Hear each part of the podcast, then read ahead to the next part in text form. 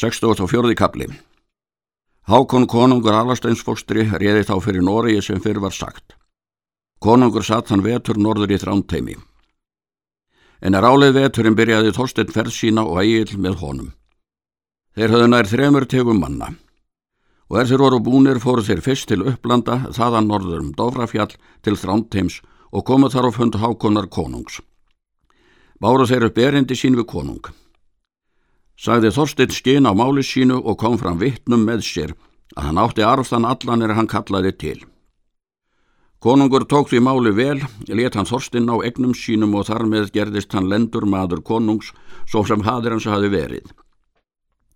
Egil gekk á fund hákonar konungs og bar fyrir hann sín erindi og þar með orðsending aðalstins konungs og rjartegnir hans.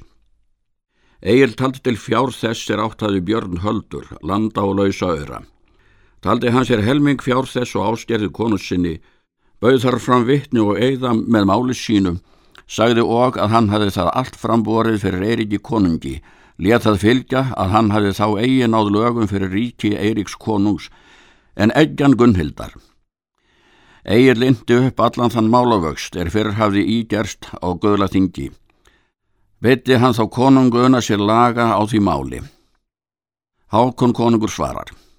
Svo hef ég spurt að Eiríkur bróður minn muni það kalla og þau Gunnhildur bæði að þú eigil munir hafa kasta steinu um megni þér í öðrum skiptum.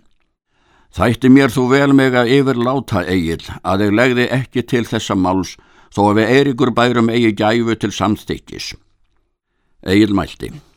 Ekki máttu konungur þeia yfir svo stórum málum því að allir menn hér í landi, innlenskir og útlenskir, skulu hlýða öðru bóði. Ég hefi spurt að þér setjið lög hér í landi og rétt hverjum manni. Nú veit ég að þér munu láta mig þeim ná sem aðra menn. Þykist ég hafa til þess burði og frændstyrk hér í landi að hafa við alla hins skamma. En um mál okkur Eiríks konungs reyður það að segja að ég var á hans fundi og skildumst við svo að hann bað mig í friði fara hvert er ég vildi. Vil ég bjóða yður herra mína fylgd og þjónustu.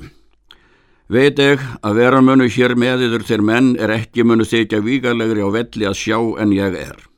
Er það mitt hugbóð að eigi líði langt áður fundum ykra Eiríks konungs muni samanbera ef ykkur endist aldur til. Þykir mér það undarlegt ef eigi skal þar koma að þér þykji Gunnhildur eiga svona uppreist marga. Konungur segir, ekki myndu eigil gerast mér handgengin. Miklu hafið þér frændur meira skarð höggviði ættvora en þér munu döga að staðfestast hér í landi. Far þú til Íslands út og verð þar að föður að við þínum. Mögum þeir þá verða ekki mein af oss frændum en hér í landi er þess vonum alla þína daga að voru frændur séu ríkastir. En fyrir sagir aðalstins konungsfóstra míns þá skaltu hafa hér friði í landi og ná lögum og landsrétti því að ég veit að aðalstinn konungur hefur mikla elsku á þér. Egil þakkaði konungi orð sín og beitist þess að konungur skildi fá honum að sannar jartegnir sínar til Þordar og Örlandi eða annara þarlendra manna í Sogni og á Hörðalandi. Konungur segir að svo skildi vera.